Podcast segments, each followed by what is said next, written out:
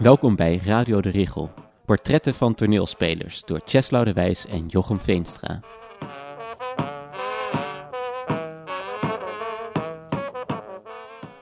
Paulien Kalker is deze keer te gast. Paulien vormt samen met Alerne Hoornweg en Herman Helle het gezelschap Hotel Modern. Uh, ik denk dat wij alle drie zo onze eigen taal hebben, alle drie voor onszelf. En met elkaar hebben we ook een taal. Van, vooral van werkt het of werkt het niet. Nogal resultaatgericht, uh, resultaatgericht eigenlijk.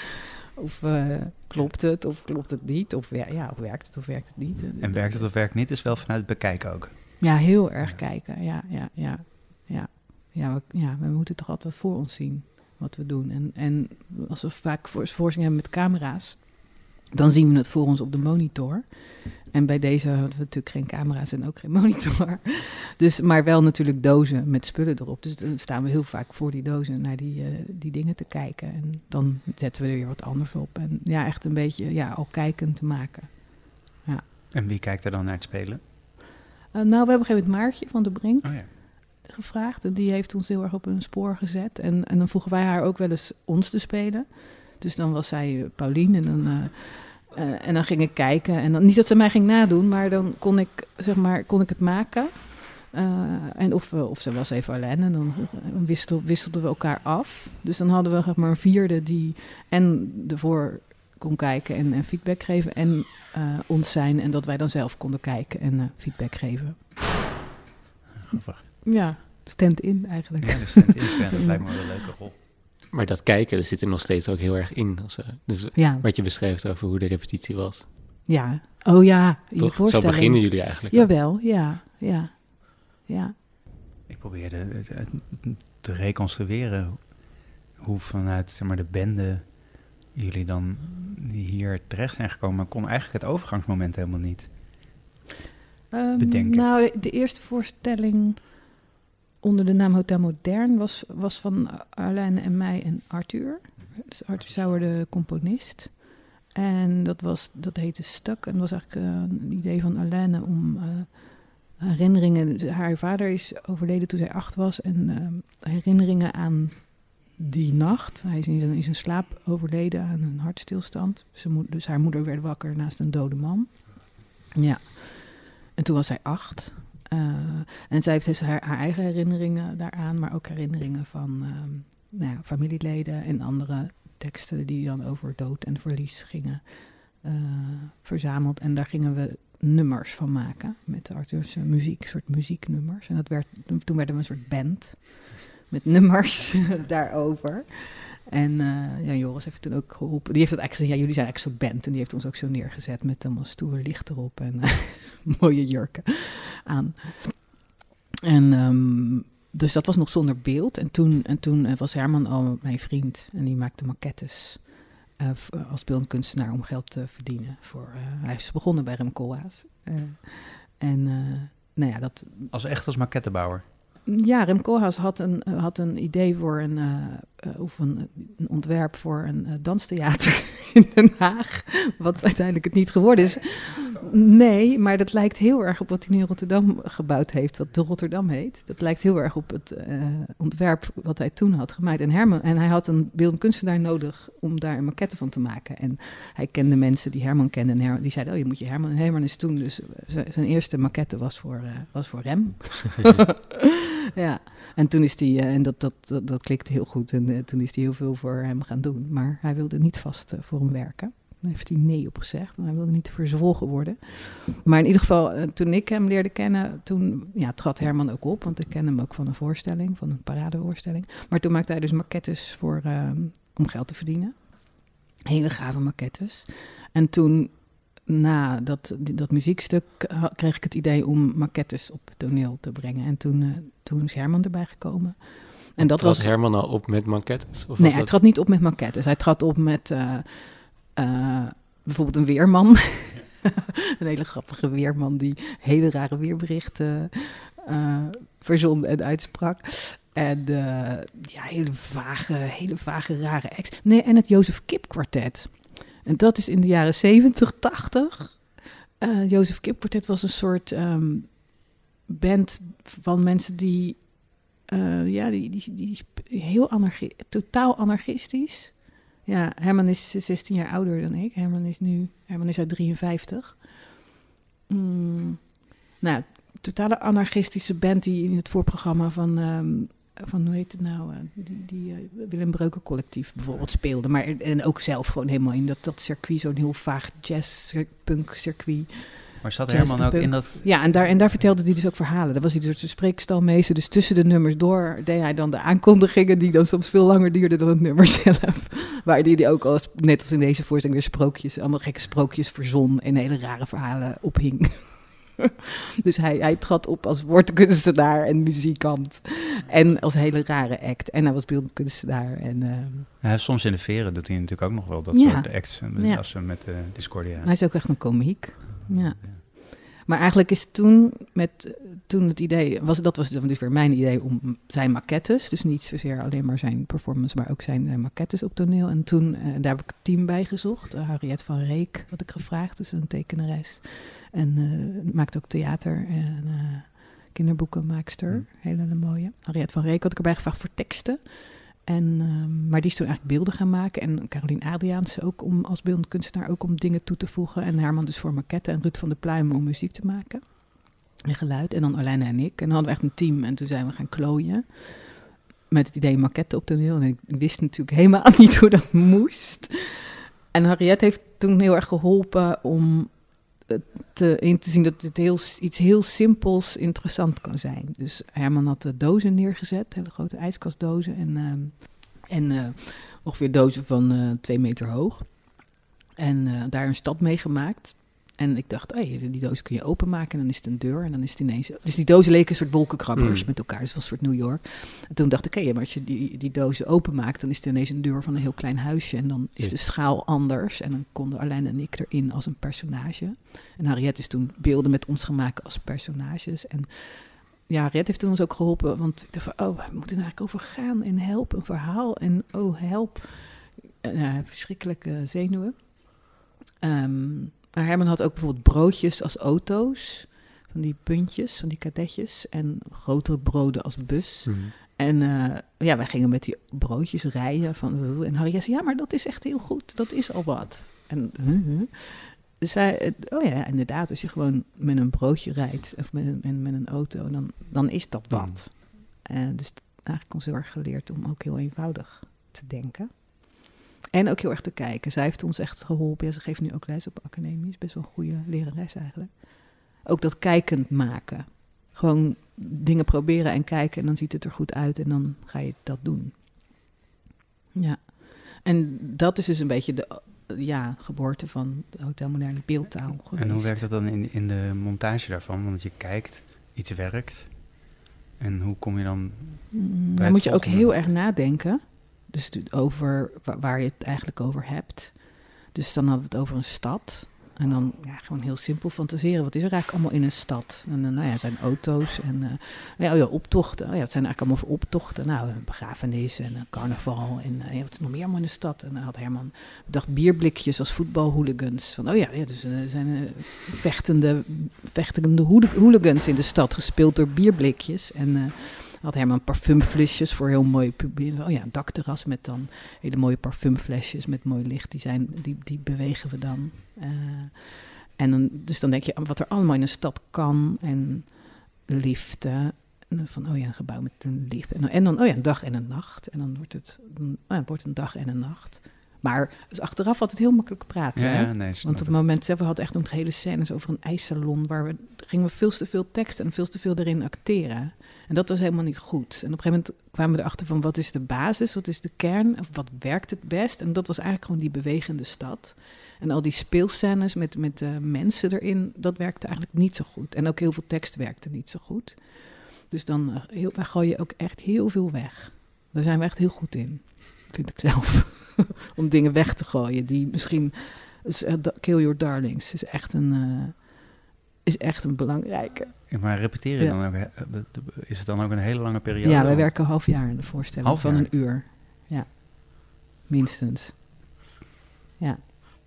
Maar die, in die tekstscènes werken die, dat vroeg ik me af, want, want ik, ik, ik, we zijn toevallig bezig met Calder, met dat circus van Calder. Oh, leuk, ja. En daarin, en dat zag ik eigenlijk zelfs als bij jullie ook wel, dat ja, de, de lol van hem spelen met zijn circus of zo. ja. Hebben we ook naar gekeken. Heeft Harriette ons toen ook naar laten kijken. Oh, ja.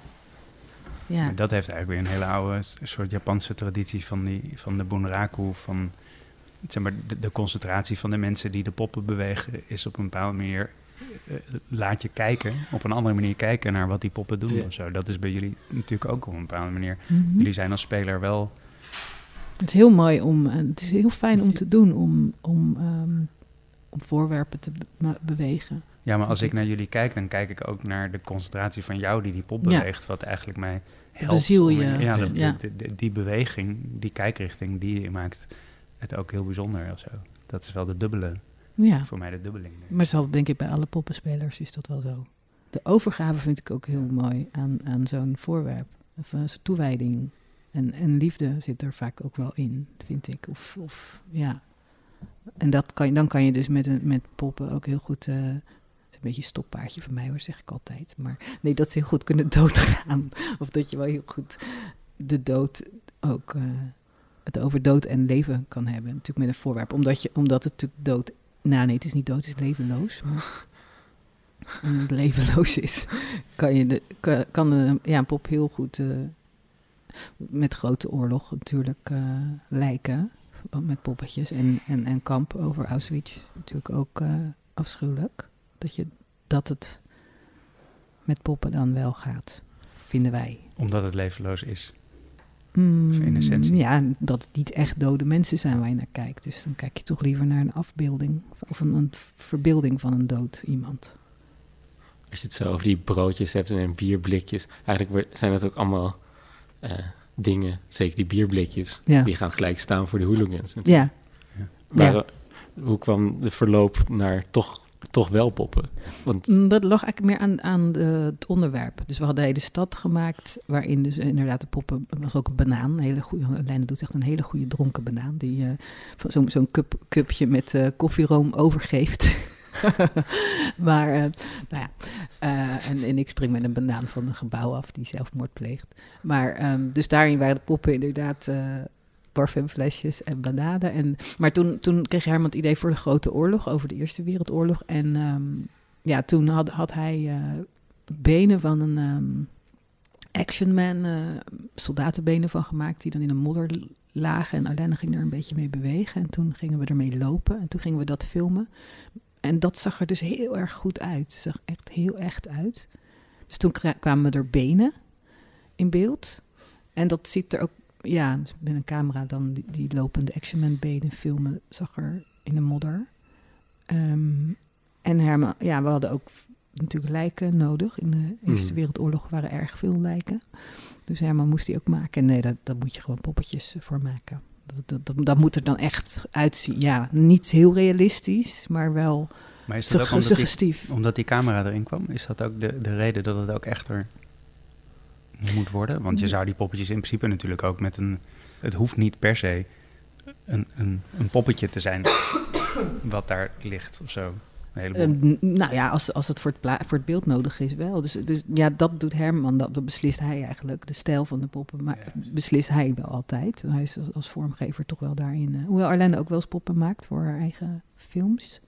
Die ook in de voorstelling zitten soms. Maar, maar Herman eh, bepaalt de beeldtaal van de poppen en wat, wat daar dan voor nodig is. Dus, en die zijn vaak niet heel realistisch, maar wel realistisch genoeg of, om eh, wat er nodig is. Ja. Ja, Nee, maar ik voel me meer af of... Want bij hele stad zijn natuurlijk nog geen camera's, toch? nee. En dan Hm. bij Grote Oorlog komen die camera's er wel meer in. En of dat ook eigenlijk dus verlangt dat het realistischer is door het soort beeld wat je maakt eigenlijk heel erg. Ehm, ja, dat ligt dus aan de beeldtaal die je kiest. Dus, dus, de, dus dat, daarom werken we ook zo lang aan de voorstelling. Want het lijkt misschien allemaal op elkaar, maar het is toch heel verschillend. Alle voorstellingen hebben heel erg een eigen beeldtaal. Dus we zijn altijd een hele nieuwe taal aan het ontwikkelen. eh, met zijn eigen grammatica en zijn eigen uitdrukkingen. ja. Dus, dus ja, als de beeldtaal van de Grote Oorlog eh, had het nodig om dat soort poppetjes te hebben. En, en toen volstonden we ook met tekst en, en bewegende benen en dode poppetjes. Maar toen we kamp gingen doen over Auschwitz, dan hadden we weer poppetjes nodig die andere dingen konden. Dus dan moet je maken wat je wil vertellen. Van nou ja, we willen ze wel in, aan de dwangarbeid zien. Dus dan moet je een poppetje hebben wat grind kan scheppen. En dan, dan wordt het meer een soort marionetje. Als ik het goed begrijp, gaat het dus eigenlijk vanuit wat het, wat het, wat het poppetje moet kunnen. Of zo. Dat, dat, mhm. dat bepaalt eigenlijk de beeld. Wat hij over moet brengen en wat hij moet kunnen. Ja. ja, wat voor gevoel die moet geven. En, ja, en wat hij ja, feitelijk moet kunnen. Ja, maar dat gevoel zijn kan je natuurlijk op meerdere manieren oproepen. Ja. Of zo. Ik bedoel, een banaan die van een gebouw afspringt kan heel dramatisch zijn, zeg maar. Ja. En hoe verhoudt je je eigen spelen zich? Uh, is daar ook iets mee veranderd? Met of je met een banaan speelt of met een... Nee, met gewoon een... meer in, de, in die algehele lijn vanuit, vanuit toneelschool Arnhem en dan als toneelspeler en dan beschrijf je op een gegeven moment langzaam met Herman de, de, de, de maquettes die erin komen. En dan komt die andere beeldtaal eigenlijk ook. Word je, ja, ineens, dat we ineens poppenspelers worden. Dat was, ja, dat gingen we naar Amerika en, dan, en toen had onze agent gezegd, nou ga maar als poppenspeler uh, naar Amerika, want dan kom je makkelijker uh, aan een werkvisum. moest, je, moest ik een visum aanvragen, moest ik langs. En, en krijg je dan makkelijker een werkvisum? Ja, ja want de, de union van puppeteers is uh, minder protectionistisch dan de union van actors.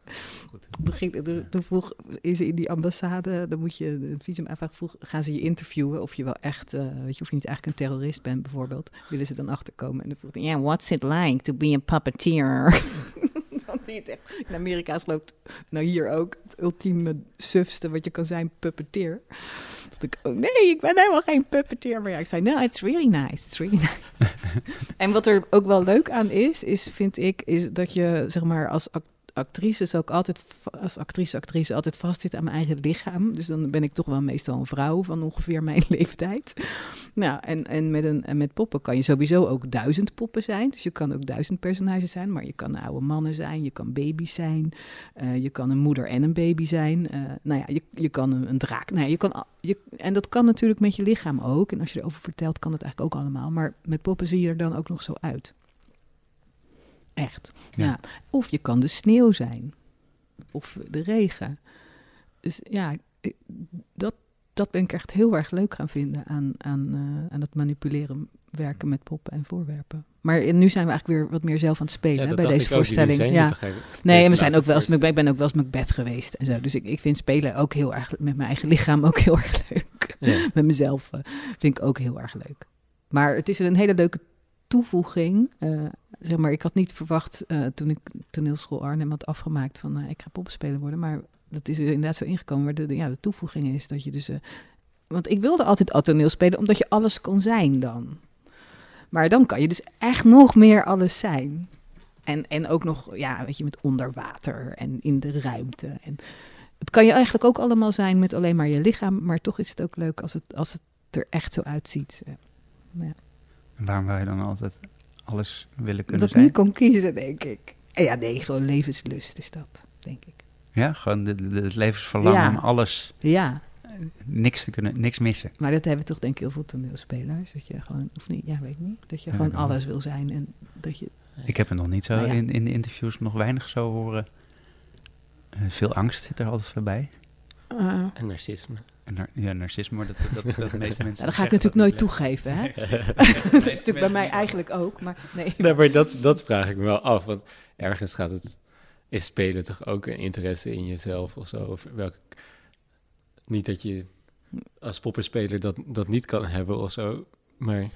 Nou, ik heb meer interesse in het leven. Interesse in de avonturen die je beleeft. Zowel ja, interesse ook in, in, de, in de mens. Van, weet je, hoe is het om... Ik, ik wilde bijvoorbeeld... Uh, ik heb bijvoorbeeld Leni Riefenstahl gespeeld bij, bij het OT. Ik wilde echt heel... Want ja, mijn grootvader is in Auschwitz vermoord. En ik wilde heel graag weten hoe het was om fout te zijn.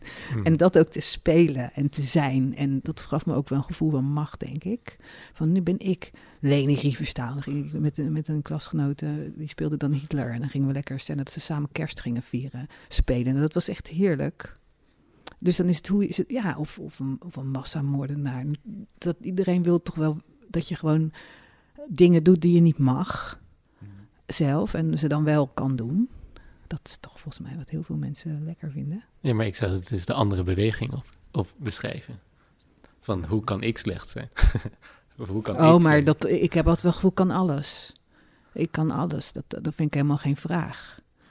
Ik- Tenminste, ik, ik, ik zelf ik kan echt wel mensen vermoorden als het moet. Ja. Geen Ja, maar wat twijfel ik- waar, over. Waar ik eigenlijk naar op zoek ben, is dat je bij zo'n pop projecteer je toch op de pop, stel ik me zo voor. Of speel je via de pop? Nee? nee, nee, dat is hetzelfde. Nee, dat is hetzelfde. Je speelt niet anders. Als je met een pop speelt, speel je eigenlijk niet anders dan als je met jezelf speelt. Alleen je beweegt niet je eigen lichaam.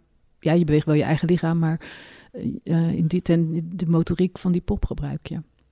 Nou, pop. Zo vaak Ja, speel ik niet echt met nee, poppen. object maar Ja, bijna. ja, Object Ja, en laat een banaan, als, je, als, als ik die banaan zeg maar op het dak laat staan en naar beneden kijken, dan speel ik zelf dat ik, dat ik naar beneden kijk en dat ik dan de auto's in het klein zie en dat ik, en dat ik net ben gedumpt door iemand en, en, dat, ik, en dat ik nu het hele leven helemaal echt dat, dat ik gewoon weg wil. En dan kies ik ook het moment dat ik ga springen, zeg maar. Je gebruikt Ja. helemaal je, inner, je, je, je eigen spel. Alleen ik, beweeg, ik, ik laat dan die banaan van het ding afspringen in plaats van dat ik zelf. Dus het is puur ver- kwestie van anders vormgeven. Ja. Maar verder speel je helemaal. Ik, ja, zeker. En is, is, zei net dat het voor jou geen kwestie was van dat je ook mensen kan vermoorden en dat soort dingen. en Zo. Je kan alles. Is dat zo extreem eh, duidelijk voelbaar? Eh, voor mezelf? Ja? Ehm, dat ik mensen kan vermoorden? Ja, nou, we- dat, Of, net, eh, dat, omdat je zei van eh, aan de ene kant zeg je ze levenlust van ik wil alles, aan de andere kant Mhm. zeg je ik kan ook alles. Ik weet heel goed. Ik kan me Eh, alles voorstellen. Ja, voorstellen. Ah, ja. Ja, ik kan me alles voor. En ik even of of en en dat of en, en dat is leuk om te doen. Om van, om van allerlei dingen mee te maken zonder dat je zelf de consequenties hoeft te, Dat. te blaren hoeft te zitten. Dus je kan lekker brokken wel. En eh, ja. ja, of iets doorleven. Of iets, iets nou ja, bijvoorbeeld met, met kamp. Dus omdat mijn grootvader daar eh, vermoord is, wilde ik daar eh, naar, eh, naartoe. En wilde ik bij, bij hem zijn de, op een of andere manier. En dan is het heel fijn om, om bij hem te kunnen zijn, symbolisch dan. Dus dan, dan, dan ga je naar iets toe waar je heel veel pijn hebt. En ehm, ja, dan kan je daar en eh, dan kan je iets doen wat dan, ehm, wat dan goed voelt. Van oké, ik, ga, ik ga hem. eh, nou ja, je wil hem natuurlijk redden, maar dat kan dan Nee, natuurlijk niet. Maar post, postuum redden eigenlijk. postuum. Ja. eh, nou, of troosten. Het is eigenlijk troosten, denk ik. Ja. Ja. Dat is, dat is dan bijvoorbeeld bij, bij zo'n voorstelling of bij dat onderwerp. En dat zit ook in de Grote Oorlog bij de soldaten die allemaal doodgaan. Dan, dan, dan wil, wil ik daar zo dicht mogelijk bij zijn. Maar dat is, Op het moment van hun doodsnood. dus, maar dat is Ja. wel, het heeft, eh, de- hebben ze allemaal zo'n autobiografische, want eigenlijk bij Arlene vertelde je ook dat moment van dat de vader stierf. Mhm. En jij beschrijft nu eigenlijk ook, maar dan, Ja, best wel, want Herman heeft, Herman heeft zelf... eh, want het was Hermans idee om over de Eerste Wereldoorlog... eh, Herman heeft zelf eh, dat hij in dienst zat en dat hij ehm, moest leren met de mitrailleurs. Hij, hij, hij was al dienstplicht en hij vond dat hij niet mocht weigeren. Dus, maar hij is wel hij is bij de muziek eh, gegaan, dus hij was eh, trompetter, geloof ik. ik weet, het bugel. Nee, met, die nee, punk, met die punkband ook. En dan Ja. de trompetter en dan ja, het ja, ja, leger. ja, precies. Ja, en hij heeft de Tap to Breda meegedaan. maar dan ging hij wel met zijn verkeerde hand eh, op zijn borst. Maar hij heeft echt, ja, vond hij eigenlijk best leuk. Hij ging allemaal dingen doen bij Tap to Breda. Dat hij zo druk mogelijk had. Dus daar heeft hij ook nog opgetreden. Ehm, hij eh, vond toen met een mitrailleur schieten heel gaaf. Kwam hij achter. En daar kreeg hij een enorme kick van. En, en, en daar schrok hij, schrok hij heel erg van. Dat hij dat zo gaaf vond. En, eh, en zijn vader was, eh, zijn vader heeft in een Japankamp gezeten. Zijn vader heeft ook in de oorlog Japanners eh, vliegtuigen beschoten. Dus dat was ook in zijn vader ja, een soort kampsyndroom. Er nooit daarover praten en dat soort dingen. Ehm, ehm, dus hij dacht van hoe is het dan om in een oorlog te vechten? Want hij moest, was ja, min of meer in de Koude Oorlog in dienst. En, leren om mensen dood te schieten. En eh, dat mitrailleur ook nog eens geweldig vinden. En daar heel erg van gechoqueerd. En dan van hoe is het dan om in een oorlog te vechten? En Herman, en dan heeft dat ook met 9-11 ook gedaan. Met uh, World Trade Center heeft hij een film gemaakt van hoe is het dan om ehm, in, een, in een cockpit te zitten en uh, om zo'n om zo'n uh, kaper te zijn. En is hij helemaal een filmpje gaan maken vanuit het point of view van die kapers. Maar ook van de mensen die in het vliegtuig zaten. Van zich verpla Herman, bij hem is het dat hij zich echt verplaatst in zijn grote, grootste angst. Dus, uh, dus dan is het in die zin ook wel autobiografisch van wat is dan zijn angst. Maar ja, dat is niet bij iedere voorstelling uh, aan de hand hoor. Zoals Banaan en Oestermessen heeft weinig autobiografie. Maar ja, ook dat zijn weer allemaal spullen uit Hermanse familie. was erfenis van zijn uh, oh, die ja, koffers die er staan. Dat zijn van zijn, van zijn overgrootvader. Uh, die was uh, kapitein op een schip. Wat ze daar in de Indië voer en zo. Daar zijn die, die koffers en ook heel veel dingen van. Heel veel spullen uit zijn familie. Dus dat zijn de spullen autobiografisch. Ja, ja, ja. ja. ja. En bij Rococo, want dat herinner ik me ook nog wel heel goed. Rococo. Want daar, pornofilmpjes ja, dat, met ja. poppetjes. Ja, ook heel autobiografisch. Maar daar spelen je... Wat die poppetjes doen, dat doen wij ook. Ja, nou. Of jij, wij, nee, wij doen het juist niet. en daarom doen we het met poppetjes. nee, maar jullie spelen daar ook wel. Dat vond ik toen wel uh, leuk, omdat jij en Herman daar ook wel weer echt... Dus je met z'n tweeën doen jullie dat toch? Als ik me ja. goed herinner. Ja, nee, daar spelen jullie ook wel weer ja. heel, heel... Dat vond ik een hele...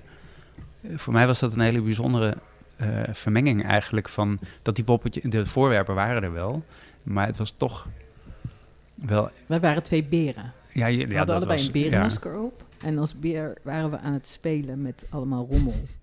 En we maakten heel erg veel troep en we maakten met uh, een soort rudimentaire porno poppetjes maakten we dan ook af en toe gekke pornofilmpjes. Bijvoorbeeld een, een mummie die dan een hele grote mummie-injectie kreeg en dan met een paar billen iets ging doen.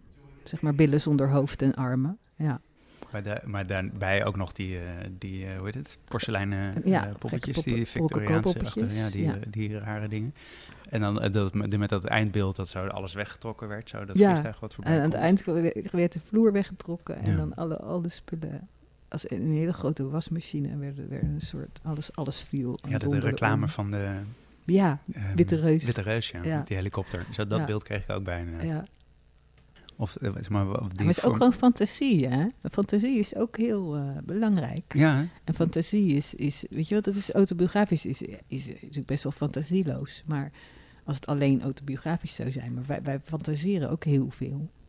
En fantaseren vind ik niet per se autobiografisch. Nee, maar het is wel net verbonden met die angst of met de wensen of zoiets. Ja, het zijn wel, ja maar ook, ook toeval of wat zich voordoet of wat je allemaal oproept. Weet je, je, je, je, je schudt iets op en dan gaan allemaal dingen dwarrelen en daar ga je dan, daar ga je allemaal verbanden mee aan en dan ontstaat er weer iets heel anders. Dat, dat vind ik gewoon heel mooi. Nou, dat is bij Bananoeswijs ook gebeurd. Van je, je, je schudt iets op en allerlei spullen komen en dan ga je allemaal dingen verzinnen en dan verzin je ook dingen waarvan je nooit kon verzinnen dat je ze kon verzinnen. Ja. En een taal die bepaalde consequenties heeft of zo. Ja, dat, dat, ja je moet wel je eigen wet, uh, wetmatigheden heel streng ook in zijn. Heel streng zijn. Wetten ontdekken. En dan die wetten gaan verder uh, volgen. En komen weer, komen weer nieuwe dingen. En dan vervolgens die wetten ook wel weer tarten. Is er nog in die ontwikkeling... Wat is jouw relatie met Discordia eigenlijk? Want ik heb je leren kennen via de Veren eigenlijk, denk ik zelfs. Die eerste ja. keer. Dus jullie hebben wel altijd ook. Nou, we zijn wel eigenlijk opgericht met heel erg met hulp van uh, Jan Joris Lamers. Uh, Hotel Modern. Die heeft ons eigenlijk wel een soort van helpen oprichten. Oh ja? Ja, ja want Arlene en ik. Uh, hij, hij maakte met, we maakten met hem onze afstudeervoorstelling, onze hele klas, hm. Richard, Richard de Tweede. En toen had hij gezegd van, nou jullie, we hebben de, de um, Republiek en als jullie iets willen maken hier, dan, nou, kom maar. En op een gegeven moment toen na een paar jaar kwamen, of nee, toen hebben we iets gemaakt, maar toen na, na een paar jaar kwamen we weer van, uh, ja, we willen wel uh, iets maken. Vroeg ja, wat dan? Uh, oh, weten we niet. We, waren we vergeten over na te denken. en toen zei hij van, oh ja, maar de Republiek heeft een beetje geld voor muziektheater. En, eh, en eh, ik was toen met Arthur, was toen mijn vriend, eh, of ja, eigenlijk net niet meer, maar van, heb je nog iets met Arthur Sauer? Want die is namelijk componist, vroeg Joris, want Joris kent Arthur ook. Ik, ja, nou, misschien kunnen jullie met hem iets doen. Dus die voorstelling over, en toen kreeg Arlenne dat idee van stuk Die is over, bij de Republiek die- gemaakt ook. die is bij de Republiek gemaakt. En ja, eigenlijk omdat Jan Joris zei, we hebben nog een beetje geld voor muziektheater. doen jullie nog wel eens wat met Arthur? En, en, en toen zei hij ook van, nou, je mag hier komen werken. En eh, dan moet je ook geen ander werk aannemen, want dan moet je er ook echt voor gaan. En dat, eh, nou ja, in ieder geval, we zijn... eh, toen dat toen- het dat- Kremlin en, en Elske van de Hulst, die Mhm. zei toen van... hier, je gaat maar subsidie aanvragen. En toen las ik multidisciplinaire... en toen dacht ik, hè? Ik kreeg, toen kreeg ik ineens het multidisciplinaire idee van Hermans en Maquette. En heeft Elske nog heel erg geholpen. om- Of van eh, hier formulieren en ook leren verkopen. Dus we zijn wel echt geboren bij Discordia. Ja. Nou, het is, ik ben er gewoon nieuwsgierig in hoe je er naar kijkt. Hoe, wat jullie positie dan binnen het toneel is. Want het rare is, hij is, binnen, hij is ook heel vrij uniek, toch? Mhm. Ik denk dat er weinig gezelschappen zijn die bij jullie in de buurt Ja, zitten. ja. Maar heb je het gevoel dat je serieus genomen wordt, bijvoorbeeld? Mm, niet he- helemaal.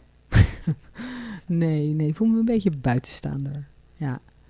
Maar waar, waardoor Ja, komt het voor je gevoel, valt bedoel het ik ook eigenlijk? wel weer mee, want, want gisteren dan eh, zien we Manja in het theater en de- daar, daar, eh, daar heb ik min of meer, ik- wij zaten één klas hoger, maar ik heb op een gegeven moment iets langer over school gedaan, toen zat ik ook eventjes nog met hun in de klas. En dan Het is voel de ik me dan toch Doodpaard. van dood paard. eigenlijk. Voel, ja, en voel ik me eigenlijk wel super met, met haar en met Kuno ook. eens een vriend die ik... Nou, Arlenne ken ik al sinds ik 13 ben, hè, van Ja. toneelles. En, maar Kuno zat ook op die toneelles. In Rotterdam ook? In Rotterdam. oh, ja. Dus, dus, dus dat is eigenlijk was dat toen ook best een goede vriend van mij. Die, nu zie ik hem nooit meer of zo, maar wel toch heeft een heel warm gevoel. Dus ik voel me eigenlijk wel heel erg verbonden met Dood Paard. En nou ook met jullie Barreland. En, en Anouk speelt natuurlijk met ons mee Mhm. eh, vaak. En Maartje van, van Monk, wat dat ook nu niet meer Monk is. Maar nee, dus daar voel ik me wel heel erg mee verbonden. En eigenlijk ook wel met Discordia. Natuurlijk heel veel meegedaan, toch een paar keer. En heel veel van hen geleerd. Dus ik voel me wel heel erg in die. Maar weet je, we zijn ook niet zo stoer. Nou, eigenlijk wel heel stoer Ja, ik wou net natuurlijk. Ja, maar ik ben niet zo verbaal niet zo goed. Ja, ik zit in de, kop, de oren van jullie kop te lullen nu, maar eh, ik kan me niet zo goed weren in zo'n soort eh, gesprek of zo. Met Jan Joris sla ik altijd nogal dicht. ja, weet ook niet of ik nou zo... Ja, Nee, maar dat is, serieus genomen, ja. Maar door sommigen wel, eigenlijk. Niet, niet, niet iedereen, maar ja, ik weet niet. Ik geloof, geloof, geloof dat ik er niet mee bezig ben of ik verdring het. ik weet niet zeker. nee, maar je, je Ik ben niet wel- verbitterd of zo. Nee, nee, maar je reageerde wel gelijk van, ja, nou eigenlijk niet echt. Nee, zo, nee, dus- ik heb wel zo het gevoel, nou ja, dat, van, maar dat is eigenlijk met deze voorstelling, maar dat komt ook door die eikelige recensies en zo. Eh, dat ik namelijk eigenlijk denk dat het heel goed is. Eh, maar dat het eh, ja, door heel veel mensen ook wel gezien wordt dat het goed is, maar toch ook wel door veel mensen niet.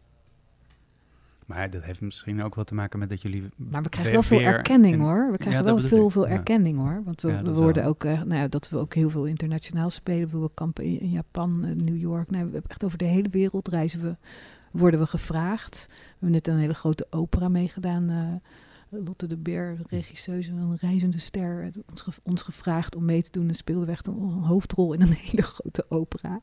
Met, waar we dus met poppetjes speelden, maar ook ons, als onszelf moesten spelen, bleek.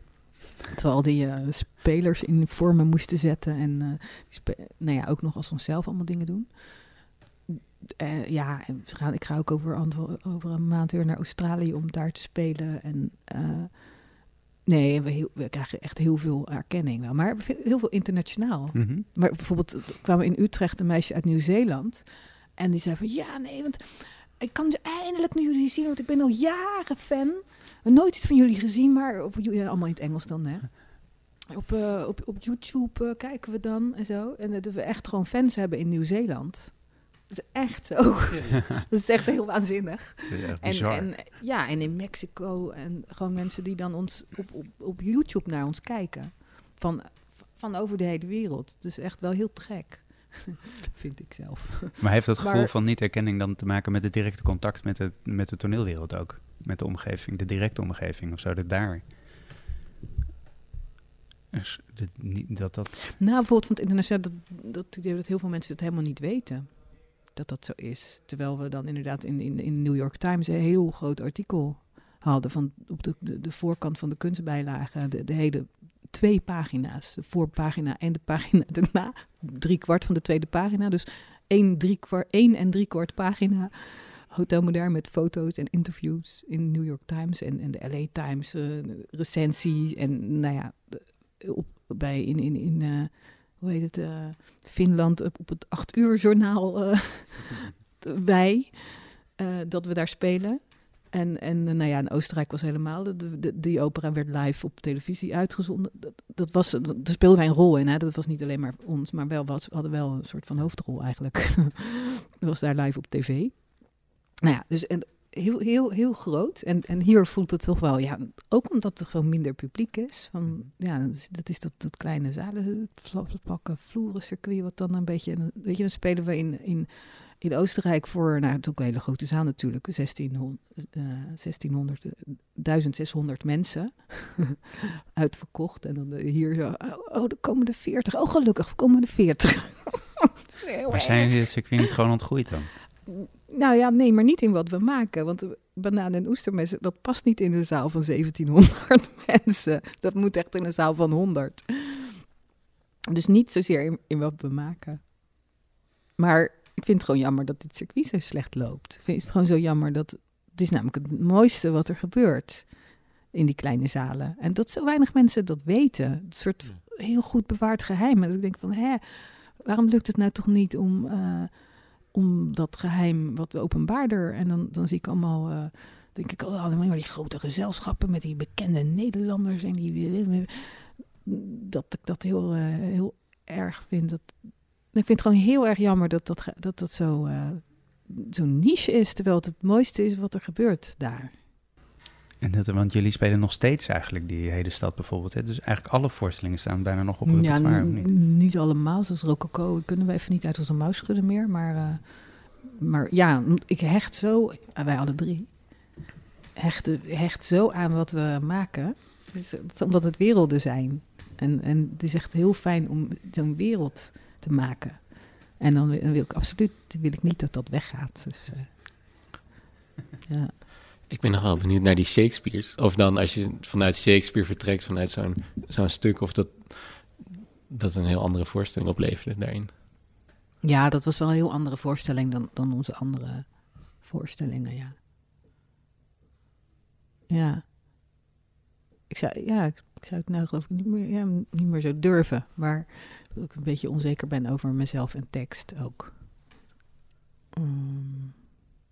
Maar die voorstelling was wel best wel gelukt. Die hebben, die hebben we nog op, eh, hoe heet het? Nou ja, daar hebben ook heel veel mensen gespeeld. Op eh, dat grote popfestival, heet het ook weer?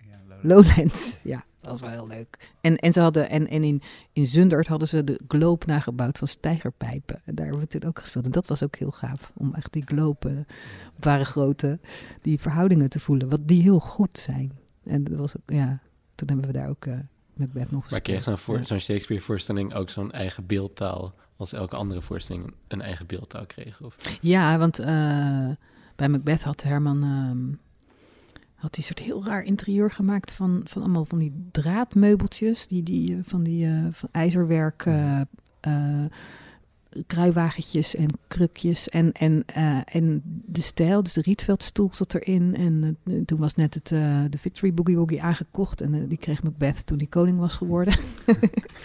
en dus de stijl zat erin en ehm, ja, een heel raar fonteintje. En, en, eh, en, en we hadden mm, een soort samples van films. Dus, dus bijvoorbeeld, eh, want alles wat er gebeurde kwam soms via de telefoon binnen. Dus dan, werd, dan had, hij, had Herman had allemaal eh, telefoons van films en ook met stukjes tekst van tring, tring en dan hello. Ehm, en allemaal, dus allemaal fragmenten uit, geluidsfragmenten uit films deden mee. Hmm.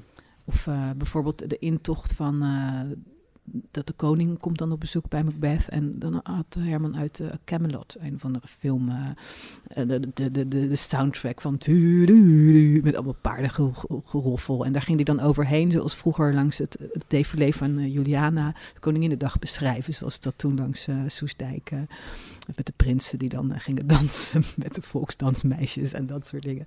Ging die zo'n soort act doen.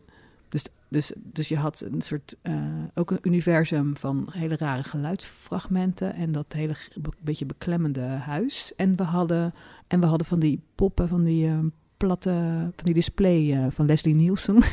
die waren, die was eh, Duncan, geloof ik. Nou ja, en zijn zoon, ja, die was dan zo'n Leslie Nielsen, maar dan zonder benen. die dan, of nee, nee, Macduff of zo. Nee, ik, ik weet niet meer. Degene die hem uiteindelijk vermoord. Was dan. En, en, en, en via de, via de telefoon eh, had je, ging Herman dan eh, dat dan de, de oorlog kwam en dat er dan door de schoorsteen een, eh, een, een, eh, met een drone een, een bom, een precisiebom in, in het huis van Macbeth ontplofte. Ja, maar het lopende bos is bij jullie natuurlijk weer helemaal niet leuk juist. Nee, maar dat was, dat was van ja, ze waren verkleed als boom. Dat was het van, dat van ja. Ja, maar dat kwam dus allemaal via de, via de telefoon Oh ja, binnen. en dat vertelde dan Ja, die butler. Ja, dat is oké. Herman was soort, die vertelde, die, ja, dat was dus de buiten. Dus het gebeurde wel, want eh, van, eh, ze kwamen op een gegeven moment, eh, mensen, soldaten verkleed als boom, kwamen, kwamen dichterbij. En uiteindelijk was het dan met een precisie, had, iemand, had, had Macduff de vinger bij de knop. En dan ging hij op de knop drukken. Ja. En Want je zei net eigenlijk Dus dat was ook een hele wereld hoor. Ja. was ook, en en daar, die, die wereld miste ik ook heel erg toen we dat niet meer speelden. Ja. Want het was ook Maar- heel gezellig eigenlijk met, met de Betty Lady en, en de butler in huis. We gingen zo knutselen met z'n allen. Gingen, nee, alleen toen was, waren ze inmiddels koning geworden en dan ging ik bed van een melk pakken. En, eh, en, en zo'n eh, zo'n ding waar je, waar je citroentjes mee fijn, eh, nou ja, een kasteel knutselen. En weet je, we net doen of het publiek niet meer zagen. Van nou oké, we zijn nu. En, maar Alain ging dan wel heel erg stofzuigen. En natuurlijk, eh, die kreeg natuurlijk smetvrees als Lady Macbeth. En, eh, nou. en Herman, de butler, die ging nasi maken. maar dan ging hij, dus, ging hij dus nasi maken, ook echt in het theater. Met gewoon zo'n zo'n afhaalbak omkeren in een, in een wadjan. en eh toen zei wat maken we? Haggis. Oké, ja, haggis. Wat is dat dan? Ja, nou ja, weet ik wel, schapenlong. eh, nee, schapenmaag gevuld met long en van alles. En, eh, en zei nee, nee, lust nee, doe maar nasi. Oké, nasi. Ja. Terwijl hij al lang nasi aan het klaarmaken was. Nou, dat soort dingen. Maar, je, maar dat bijhouden van die werelden, dat is... Dus, dus, dus, ja, het is zo grappig, want je wil aan de ene kant dus al die werelden bijhouden. Het is niet, ik kan me ook voorstellen dat je die, die, dat die dingen ook doet om het op een bepaalde manier los te kunnen laten, juist. De- maar juist eigenlijk, je, je wil die werelden bijhouden, je wil eigenlijk het verleden bijhouden via die contact weer her- herleggen met je opa, bij wijze van Ja. spreken. Je wil in feite alles via dat spelen, alles eh, kunnen doen of kunnen voorstellen in ieder geval zo. Er moet een soort ontploffing van binnen zijn als je dat allemaal, allemaal tegelijk zo'n soort wil kunnen vasthouden of zo. Wil, wil Eh, kunnen omhelzen. compressie. Ja, goed. Ja, ja. Ja. Ja, het is wel grappig dat je dat zo ziet. Ja, Ja, ik wil het inderdaad allemaal bij me houden. Ja, ja. gezellig vind ik dat. Ja, een soort- ja. ja het lijkt me gewoon gigantisch veel om allemaal, om allemaal van binnen, eh, ja, of hoe noem je dat, om het allemaal Ja? met elkaar te verwerken. Ja. Kunnen Ik had het toen met Kamp, wat dan mijn grootvader was, vond ik het wel een hele moeilijke. Omdat ik, omdat ik ehm, natuurlijk, nou ja, dat verhaal heel erg voelde bij mijn vader. En naar dat verdriet toe wilde. En toen eenmaal er doorheen was gegaan en het gematerialiseerd was. En het ook had gedeeld met een publiek. En dat ik daar op een gegeven moment ook heel, heel ziek van werd. En dat ik dacht, nou, nu wil ik het niet meer. Nu, nu, nu wil ik het niet meer. En toen werd het best heel vaak gevraagd. En toen hebben we het ook wel vaak niet gedaan. Maar dat ik toch een verplichting voelde ten opzichte van al die dode, al die mensen die vermoord zijn. Om het dan toch wel te doen. En toen dacht ik, oh, dan zit ik met dit stomme blok aan mijn been. Kan het niet gewoon weg? En, maar dat kan ook niet. Maar dan kan je er wel. ehm, nou, die, die vind ik dan daarin. Want die zou ik dan soms wel kwijt willen. Die erfenis ook. Maar toch koester ik hem ook natuurlijk. Ehm, dus daar is het conflict wel het grootst, ja. En ik heb ook een keer voor een interview met mijn vader, waarin hij over de onderduik vertelt. En ook heel erg hard moet huilen als hij het dan over zijn eigen vader heeft, die vermoord is. En, de eerste keer toen leefde mijn vader nog, toen we die, die, die tour deden. En toen was hij ook nog eens in de zaal, ook nog eens aan het huilen. En dat was echt verschrikkelijk. Toen hoorde ik hem op band huilen en toen ook nog eens in het echt. Maar toen vroeg ik na de voorstelling, wat vond je het mooist? En toen zei hij, ja, die foto's. Toen die moest hij heel erg huilen toen hij dan foto's van zijn vader zag. Dat, de foto's, dat vond hij dan echt het mooiste. Waarbij hij dus zo hard had gehuild. Dus hij vond het toch mooi. En nu, daarna was hij overleden. Toen deden we hem ook weer. Toen, toen hoorde ik hem dus weer. En, ehm, maar dat vond ik toen heel fijn om hem weer te horen. En nu, en nu zou ik het dan wel weer wat spannender vinden. Maar ja, omdat hij alweer weer wat langer dood is. En dan, uh, om hem dan weer helemaal zo heel dichtbij te hebben, vind ik dan ook een beetje eng. Maar, maar ik zou het toch wel heel graag weer doen. Ja.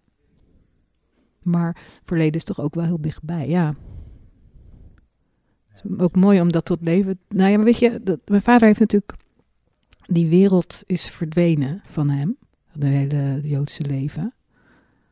Dat is gewoon verdwenen. Dat, dat, ik bedoel, ja, er zijn nog wel wat restjes, maar ik ben trouwens, mijn moeder is niet Joods, dus ik ben ook niet Joods. Dus ik sta sowieso een beetje, doe ik daarin niet, mag ik niet meedoen. maar, uh, uh, maar toch, weet je, ik woon in een straat waar, waar geloof ik zes Joodse families woonden. En, die, en, en er, liggen, er liggen twee van die steentjes, en, maar verder de, van die stompelsteinen. Maar die, die, die, zeg maar, zoals je nu Marokkaanse winkels en zo, dat had je toen met de Joodse winkels, het, het is gewoon weg. En ik denk wel dat misschien wel daarmee te maken heeft dat ik wil dat dingen niet weg zijn. En dat weet ik dat Herman het ook heeft, want dat die heeft het met Indië. Zijn ouders zijn allebei geboren in Indië. En uh, Nederlands-Indië, en dat is natuurlijk ook weg, Nederlands-Indië. En, en Alain heeft denk ik met haar vader, want haar, haar gezin, haar, als je vanaf acht, is natuurlijk haar gezin weg. Dus, dus volgens mij hebben wij alle drie een verloren paradijs. Ik denk dat dat ons ook wel bindt. Wat je elke keer probeert te herscheppen ja. hervinden. Of een soort, ja. ja.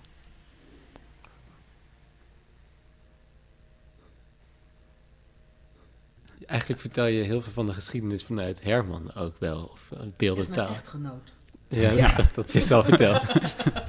maar ook dat de beeldentaal vanuit Herman ook de, ontstaat. Terwijl in de voorstelling die ik gisteren zag, is het juist... Uh, is het eerder samen. ja, ja, ja, ja, is ook zo, is ook zo, ja. Maar, um, Want hoe, hoe ontstaat zo'n taal? Want, nou, die, nee, dat, dat, dat gaat heel erg samen, inderdaad. En daarin, en, en ik ben wel een beetje de verhalenverzinner. Ik, vaak. Dus ik maak vaak een verhaal. Van, dus dus um, en Herman en ik dragen allemaal bouwstenen aan. En um, meestal, niet bij alle voorstellingen, maar meestal maak ik dan van de bouwstenen een verhaal. En ook de richting van bijvoorbeeld met Grote Oorlog hadden we eerst allemaal een beetje vrolijke scènes. Dat ik dacht, nee, nee, we moeten nu echt de diepte in. Dan geef ik ook een beetje de richting aan. Van nu moeten we meer van dit. Of meer dus de, de, de, de puzzel. De dramaturg. De drama, dramaturg, ja, maar ook wel een schrijver. Niet, niet alleen maar het, ja, soort van, leid, dan leid ik het schrijfproces. Mm -hmm. Wel. Het voorzinproces. En, en van, oh ja, meer van dit. En, maar dat gaat, we werken wel heel erg, werken echt als een team. Als een, als een schrijversteam. Van, um, en, uh, ja, en Arlene heeft ook weer een hele goede intuïtie. Hoe zou je Arlene dan omschrijven? Dat zij, um, nou, zij kan ook wel heel goed in iets geloven.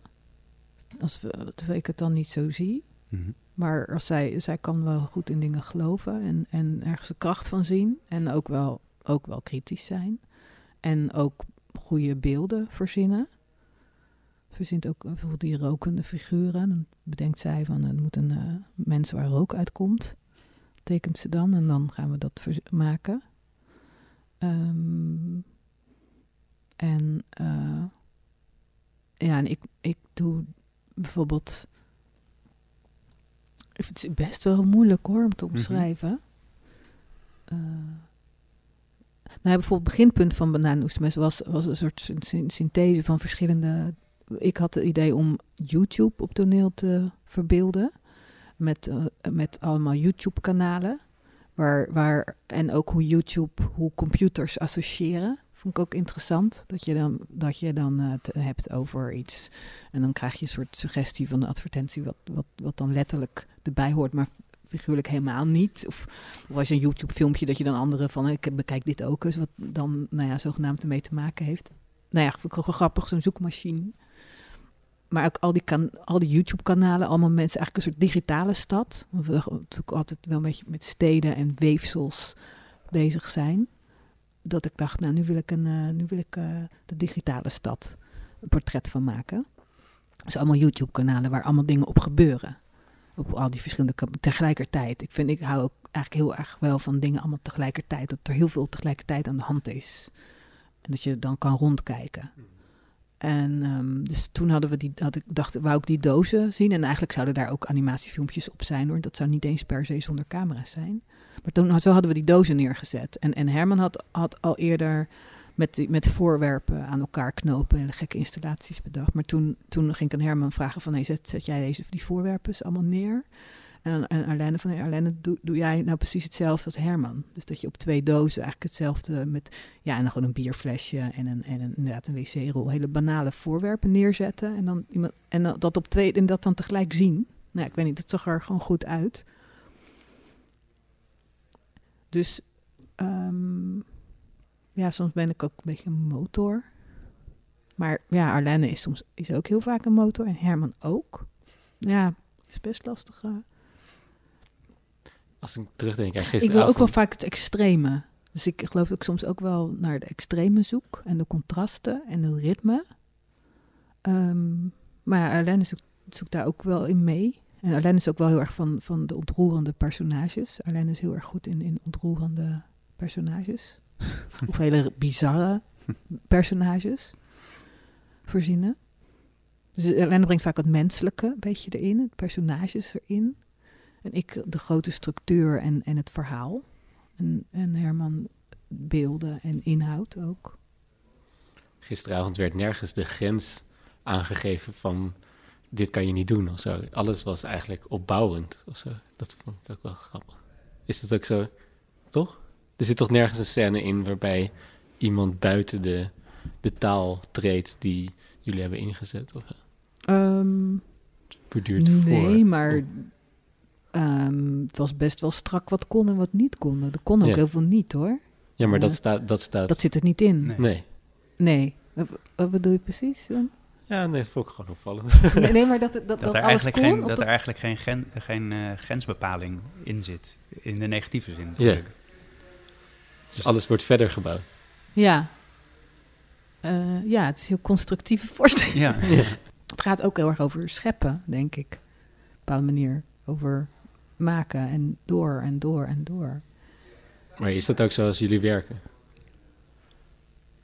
Eh, Of is het één op ik Nee, vind voorstelling maken zo verschrikkelijk moeilijk. En ook Ja. eigenlijk helemaal soms niet zo leuk. Ik word echt heel wanhopig als ze iets moeten maken. We moeten weer iets, we moeten weer iets gaan maken. En dan is het echt, echt even get voor. We moeten weer beginnen. En ja, ik ga altijd wel door heel veel crisis heen. De, de, En waar hebben die het dan mee te maken met gewoon de, de worsteling van... Iets maken, Ja. ja. Ik vind, echt, ik vind soms... eh, Volgens mij vinden Herman en Helene het leuker dan ik.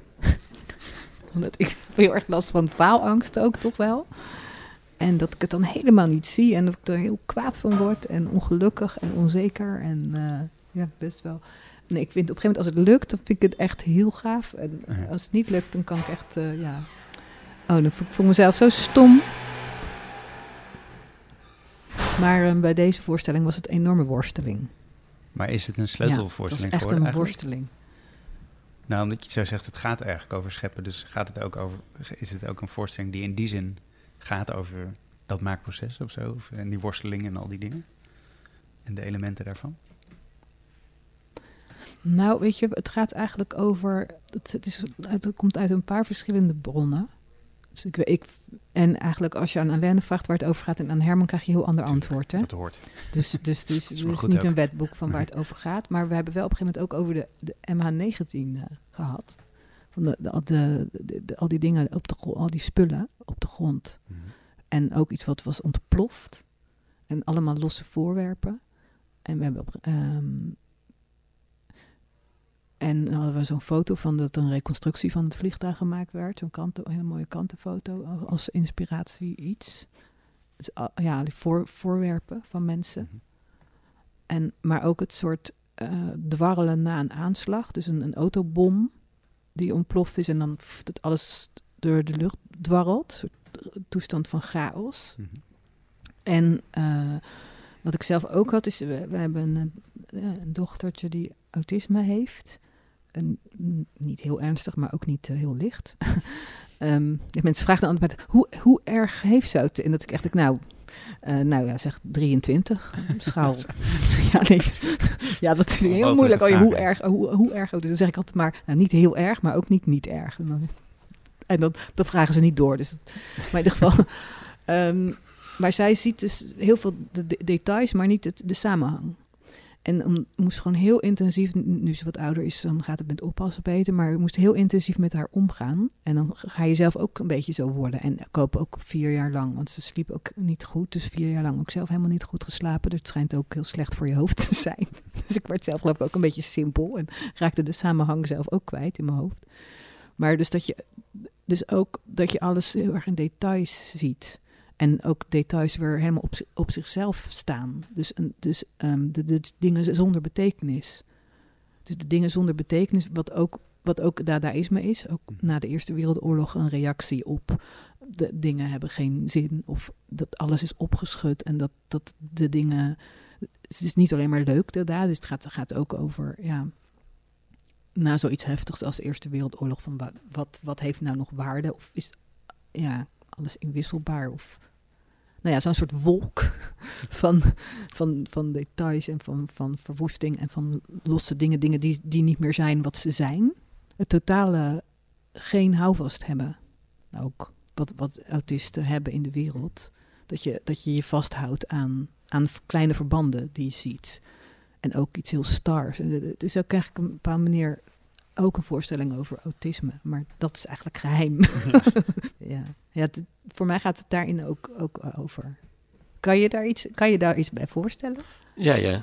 Maar het is wel heel... En dat vind ik grappig. Het is, heel verhalend hoe jij, hoe jij het vertelt. Terwijl, ja, dat had ik er dus helemaal niet uitgehaald. Nee, nee. Maar het is ook, daarom, het is meer, meer muziek. Het is een abstract, Ja. abstract iets. Ja. Maar het is ook wel heel, heel gaaf dat het helemaal geen verhaal heeft. Dat vind ik Nee. ook zo fijn. Ja. En dat is ook zo... Dat vind ik zelf dus eh, eh, toch even op de... Ik denk ik wel best wel knap. Dat we iets kunnen Ja. maken zonder verhaal. Wat wel de aandacht vasthoudt. Hm. Dat, wil, dat wilde Herman heel graag ook. Ja. En, en Dat Arlenne is natuurlijk ook. Eh, dat heel, wilden eigenlijk alle drie. Heel, ja. Arlenne ook een keer een voorstelling met alleen maar beelden die niet, die niet ehm, Een anekdote worden. een anekdote worden. Ja. Maar gewoon gekke beelden bij elkaar. En da- daar is Arlenne, ja, dat, dat was ook een verlangen van haar. Maar ik herken het namelijk wel allemaal wat je vertelt. Als je de Emma- voorstelling ziet. Ja, dat het zo, een Ja. MH17, het reconstrueren van de spullen die eigenlijk niksig zijn en dan en weer... schedels. Ja, Hoewel, die- die genoeg waren er dan dacht weer ik niet, eerder maar- gewoon aan de aardappels. En, Oh, ja, ja. Want die laag en de wc-rollen, want dat blijft over. Ja, en dan probeer klopt. je daar een mens uit te maken zonder Ja. dat je daar een mens uit kan Ja. maken. Nou ja, maar en dat is ook weer, zeg maar, die, nou ja, het verloren paradijs. Waar ik het over had. Van als mensen dood zijn, zijn hun spullen over. En daar zit dan ook leven in. Mhm. in die, in die dode spullen zit ook leven. En, en het gaat ook over een soort, voor mij dan, van leven naar de dood. En de doden. Ik denk in onze voorstellingen worden altijd de doden herdacht. En worden de doden opgevoerd en zijn ze er. Maar ook weer levend gemaakt? Is het ook een... eh, Mm, eh, ja, eh, mm. eh, hoe heet het? Ja, zo, zo zoals, ja, nou, leven Nou ja, een en- beetje. Ja, nou, hun Ze bestaan weer natuurlijk. ze bestaan weer, ja. ja.